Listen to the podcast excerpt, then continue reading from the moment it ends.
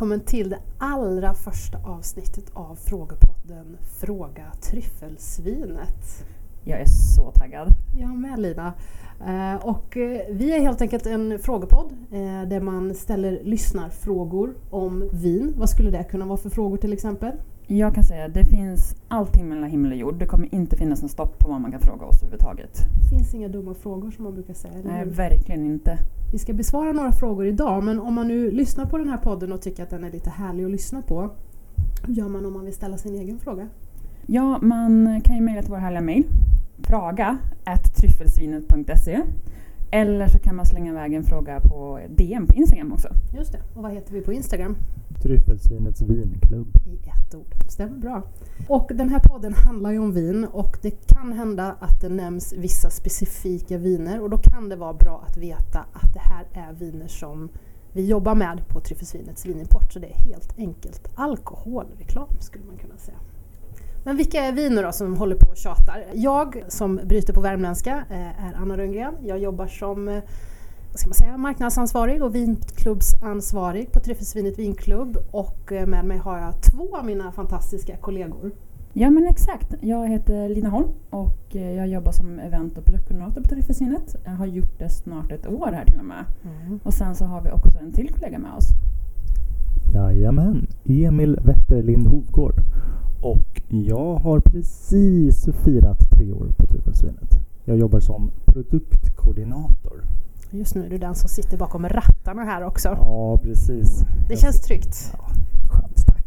Vår ljudexpert här på kanten. Ja men precis. Ja, alla, alla poddar behöver en sån. Mm. Men innan vi drar igång och svarar på frågorna så vill vi egentligen bara kort berätta om hela bakgrunden till den här podden. För det händer ju lite då och då att våra vinklubbsmedlemmar knackar oss på axeln och har en och annan fråga som vi tycker är jätteroligt att besvara. Och därför så tänkte vi ju att det, kan vara kul att göra en podd av det helt enkelt. Ja men verkligen. Det känns ju som att vi får också väldigt mycket frågor privat också. Mm. Utanför jobbet när man umgås med vänner och familj som vet att man jobbar med vin. Mm. Och vad är den vanligaste frågan du brukar få då Lina? Det är ju hur mycket vin behöver man till en middag oftast? Hur man ska räkna på det här. Hur mycket vin ska man ha? Och vad svarar du då? då? Man kan svara på lite olika sätt. Är man två personer så behövs det en magnumflaska champagne. Men i vanliga fall kan man räkna ungefär standardglas, fem flaskor på en normal flaska vin. Och på mousserande så brukar jag räkna ungefär sex glas. Så det beror på hur törstigt sällskap man har som kommer helt enkelt. Eh, ja, det beror ju också verkligen på. Eh, Anna, vad brukar du få för fråga om vin oftast? Ja, men jag har ju ändå jobbat med vin i det, jag håller på att säga snart 20 år men, och det är ju en fråga som alltid återkommer och det är hur länge kan jag lagra det här vinet? Och den frågan tycker jag, trots att det är den vanligaste jag får, är en av de svåraste att svara på för att jag tycker att det handlar så otroligt mycket om personlig preferens. Jag vill gärna dricka, min- dricka mina egna viner ganska unga för att jag vill ha kvar ungdomlig frukt. Men Emil, om du vill dricka ett vin som i mitt tycke är stendött och övermoget Mm. så kan ju inte jag säga att du har fel om du Nej. tycker att det är gott. Nej, exakt. Så är det ju. Så att jag brukar alltid försöka ge något sorts generellt svar baserat på erfarenhet men det är den absolut vanligaste frågan. Men lite grann som att jag älskar Blanc de Blancs champagne från 1990 och det är någonting som du verkligen inte är med på. Nej, jag vill inte dricka mogen champagne. Jag tycker att det smakar sherry, som sherry. Framförallt när bubblorna försvinner. Men ingen utav oss har ju rätt och ingen har fel. Nej men exakt. Och din vanligaste fråga då? Min vanligaste fråga, ja förutom de ni har sagt då, det brukar ju vara, handla om pris, väldigt mycket pris. Ja. Är ett vin som kostar 300 kronor bättre än ett vin som kostar 89, 79, 90, 100, däromkring? Vad säger du då? då? Och jag säger då, det, är ju, det beror ju på personen. Jag skulle säga att det finns en gräns någonstans där efter ett visst pris så blir det inte nödvändigtvis bättre. Men enligt mig finns det en stor skillnad på ett vin som kostar 80 och 300. Oftast. Det ska ju vara väldigt mycket bättre. Oftast. Mm. Ja, så är det. Det kan jag helt hålla med om faktiskt. Mm.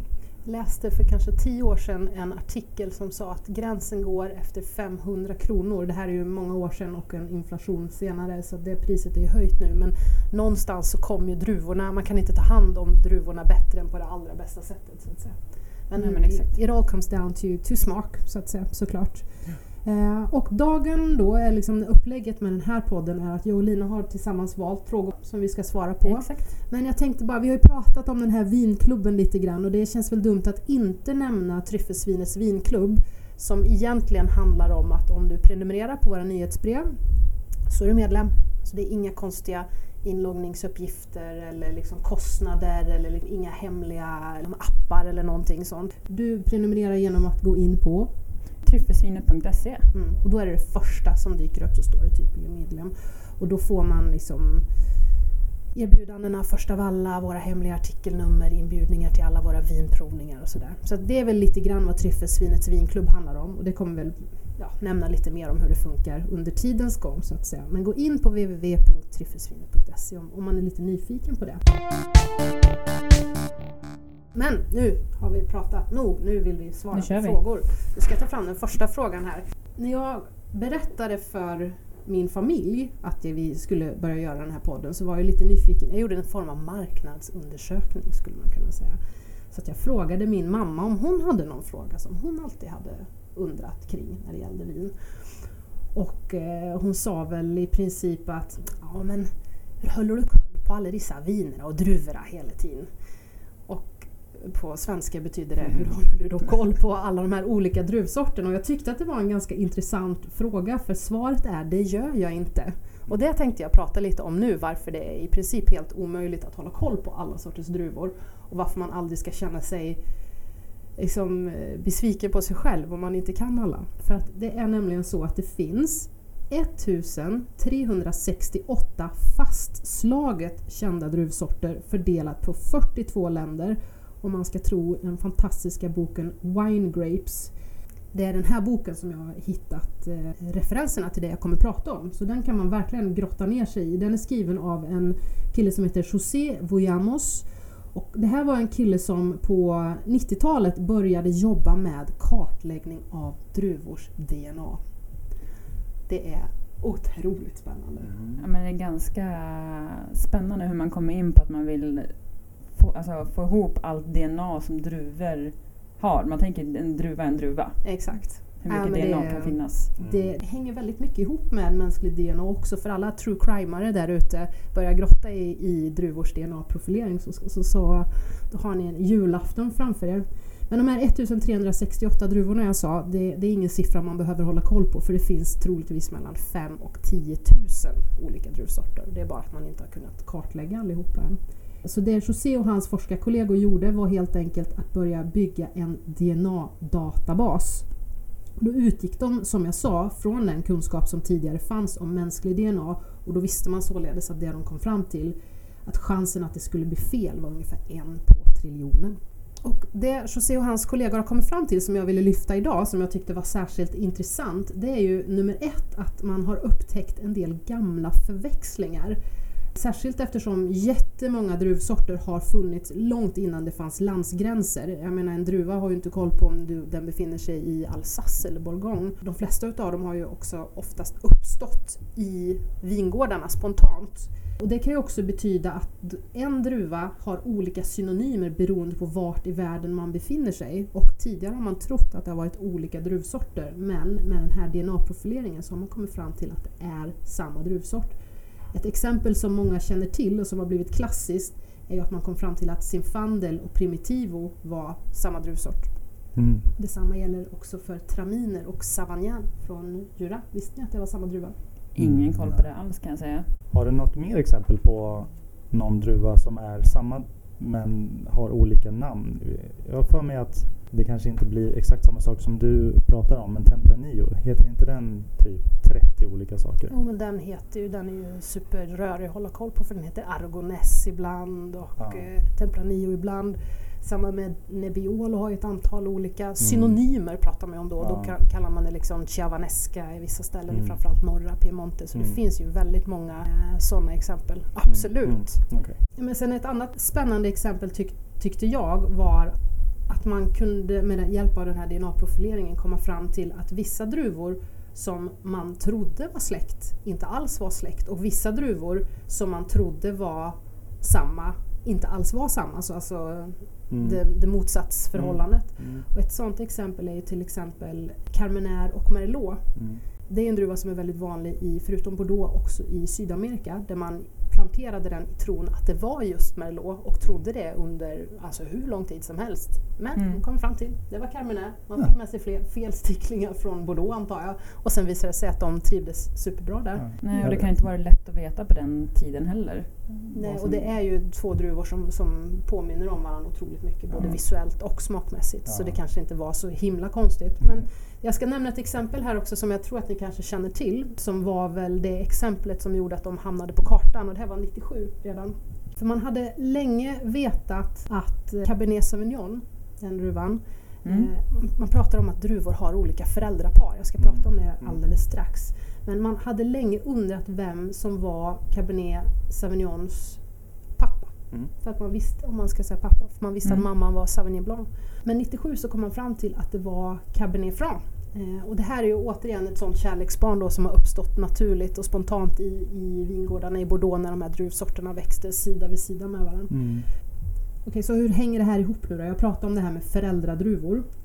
Och det hänger ihop som så att om två druvor har olika DNA, då räknas de som två olika druvsorter. Det är ju pretty straightforward. Och alla druvsorter har två föräldrar, precis som vi människor. Mm.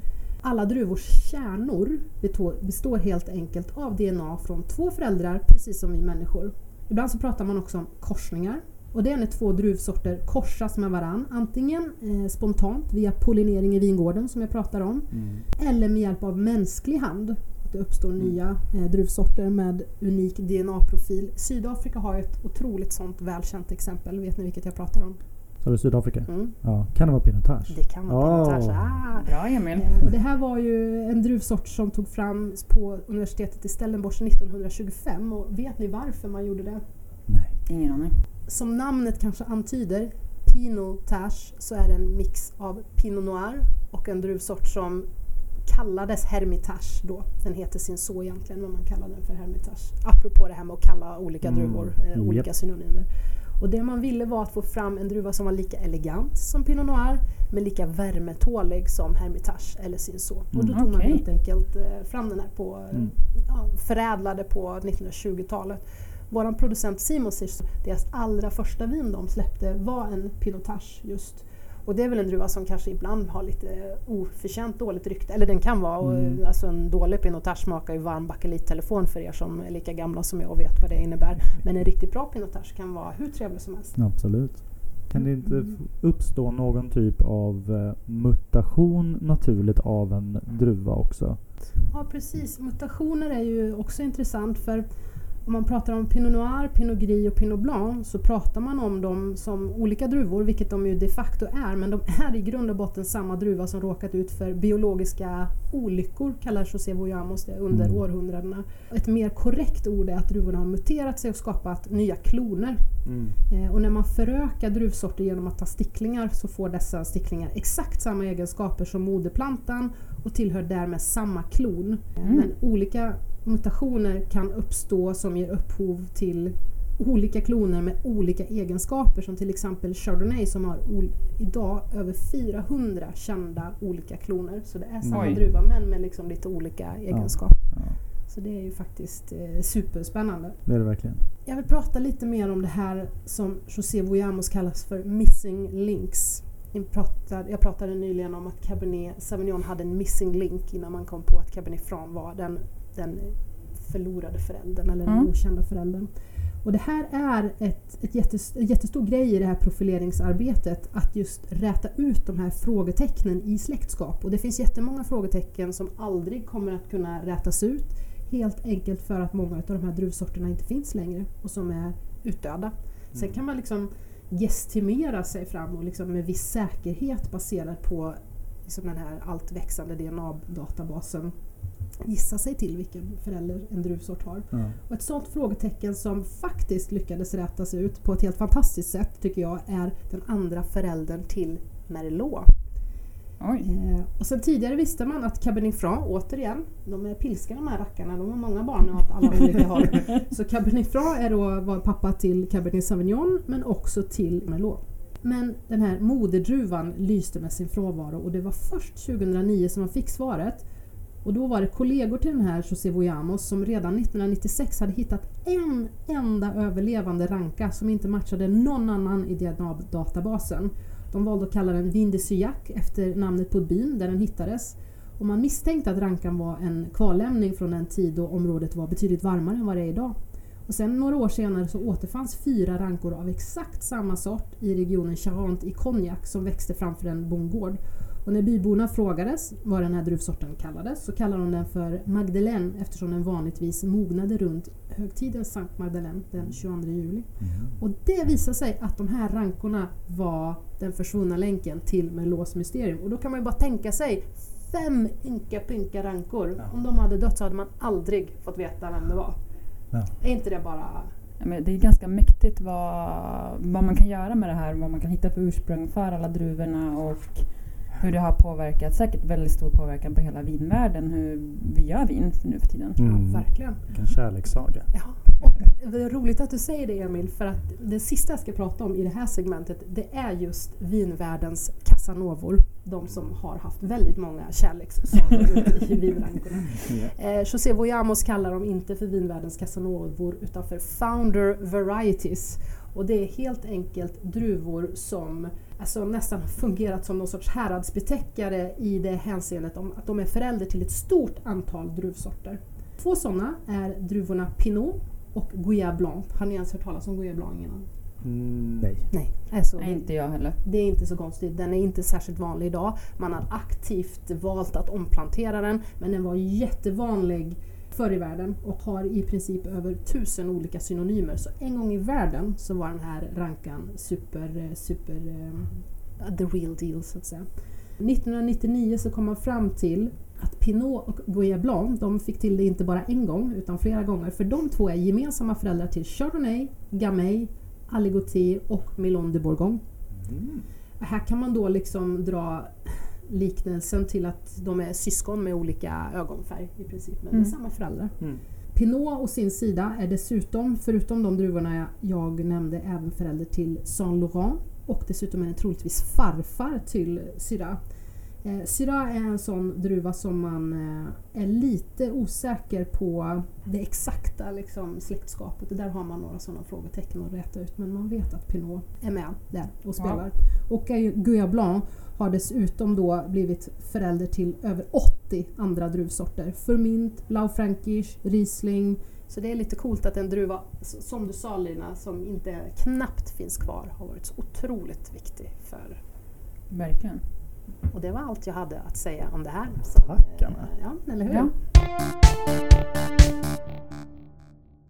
Lina, vad har, du, vad har du valt att grotta i? Nej, men jag kommer ju fortsätta på din fråga lite grann här om druvor, fast vi kommer faktiskt be oss lite mot champagne istället. Kära tryffelsvinet, när jag läste på om champagne har jag fått lära mig att det finns tre tillåtna druvsorter. Men nyligen fick jag veta att det finns fler. Snälla red ut detta åt mig, vänligen Leif. Och Anna, du kan ju förstå varför jag valt den här frågan. Ja, men du är ju tryffelsvinets champagnebubblare nummer ett. Ja, jag är den som tycker om att nörda runt det här. Och då kan jag spinna lite vidare på det du har pratat om med druvor som upptäcktes som man trodde var släkt. Bra länge så trodde man att eh, Pinot Noir var släkt med en druva som kallades Pinot Meunier. Vet Men- du, det har jag trott så länge. Ja. Det var typ du som berättade det här för mig. Ja. Så länge jag har jobbat med detta. Eh, och vi måste även gå in och ändra på vår hemsida efter det här. För att eh, Meunier, eller Pinot Meunier är inte alls släkt så den får bara heta Meunier från och med nu. Och det här kom fram 2018. Men eh, ko- kollar man runt på många hemsidor så är det fortfarande väldigt många som inte riktigt har hängt med på det här. kommer vi få jättemånga lyssnarbrev nu om alla som hittar att det står Pinot Meunier på jättemånga ställen på vår Det här, det hemsida. här kommer vara räddat innan vi sänder det här ja, avsnittet. det, ja, det är bra. Det tror jag inte. Jo då. Men i alla fall så, det är ju väldigt hårda regler runt champagne. Och med detta så är det också självklart hårda regler vad man får göra champagne på. Alltså vi har de tre grunddruvorna som du nämner också som är Chardonnay, Pinot Noir och eh, Meunier. Det är de tre grunddruvorna som de flesta champagnerna gör på. Antingen bara 100% Chardonnay, 100% Pinot eller 100% Meunier. Men de mixas ju även ganska rejält. 100% Meunier det är ju väldigt ovanligt ändå att man hittar. Ja, det är väldigt ovanligt men ack så härligt. Ja, men det är väl härligt, men det är visst är det, och stoppa mig om jag har fel du som ändå är experten, men det är väl ändå den minst ansedda av de tre druvorna. Men det är en druva som är viktig för att den, den är frostresistent och den ger liksom härlig frukt. Men det är väl Pinot Noir och Chardonnay show i champagnen då? Ja men exakt och Meunier finns ju inte på några Premier Cru-byar utan bara Grand Cru. Mm. Men vi har några andra druvor som man också faktiskt får göra champagne på.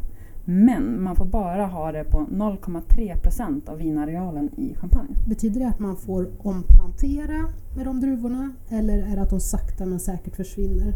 Jag läste på lite extra om det här inför det här och man, finns det den, den vinrankan på gården så får man byta ut den mot en ny vinranka. Men du får inte utöka planteringen. Och vad är det här för druvor nu då? Då har vi Arban, Petit Meslier, Pinot Blanc, Pinot Gris och en druva faktiskt som varit godkänd 2021 som heter Voltis.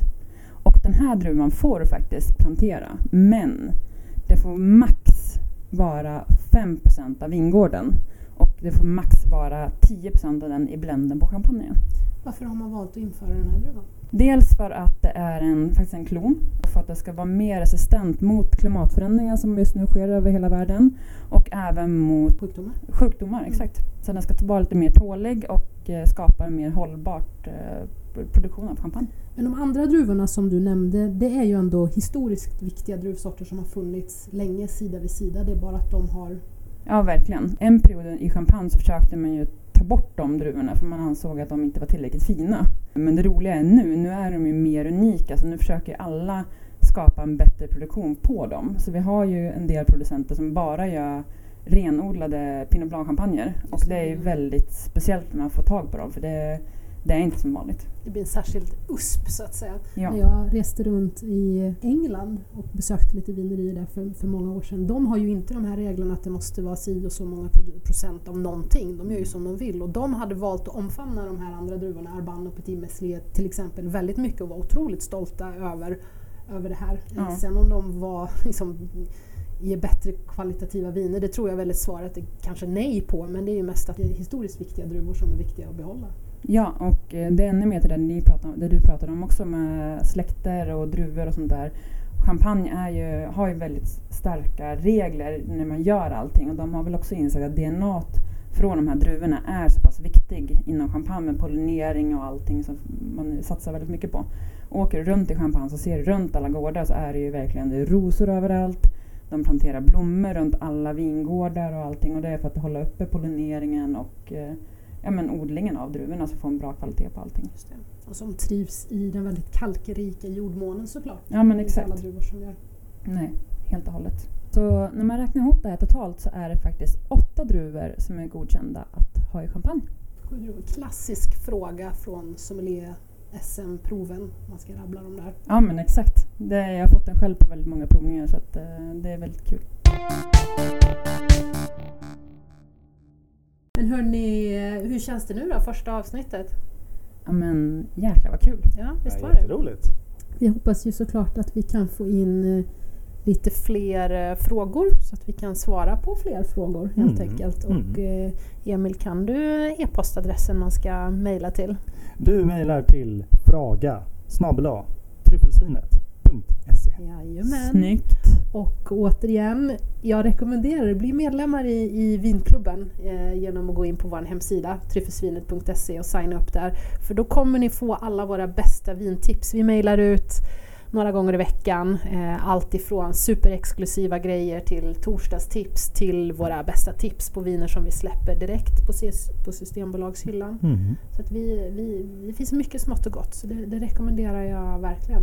Plus att vi har ju ganska många härliga artiklar som ligger på hemsidan också. Allt ifrån serveringstemperaturer till vad du ska dricka på nyår Mm. eller på jul eller påsk. Påsk, midsommar. Ja, men Ja. vi försöker att hålla oss eh, uppdaterade helt enkelt. Ja. Så det finns ju alla våra goda Vi viner får också. inte, får inte glömma alla våra trevliga event som vi har under åren också med våra till exempel producenter, våra vinmakare som Mm. kommer och besöker oss. Håll utkik efter dem. Och det ser ju verkligen ut att bli en sjukt eh, rolig vår med massa härliga producenter som kommer på besök. Mm. Mm, vi Mm. kommer få våra fiskar varma. Men förhoppningsvis kommer vi hitta lite tid att spela in fler avsnitt. Vi eh, släpper avsnitten nu inledningsvis varannan onsdag. Eller hur? Exakt. Så tack så jättemycket för att ni lyssnade. Tipsa om oss till era vinintresserade vänner och bekanta och vi ses, vi ses om två veckor. Ja, men det Det gör vi. vi. Tack för idag. Ha det gott! Hej då. Hej!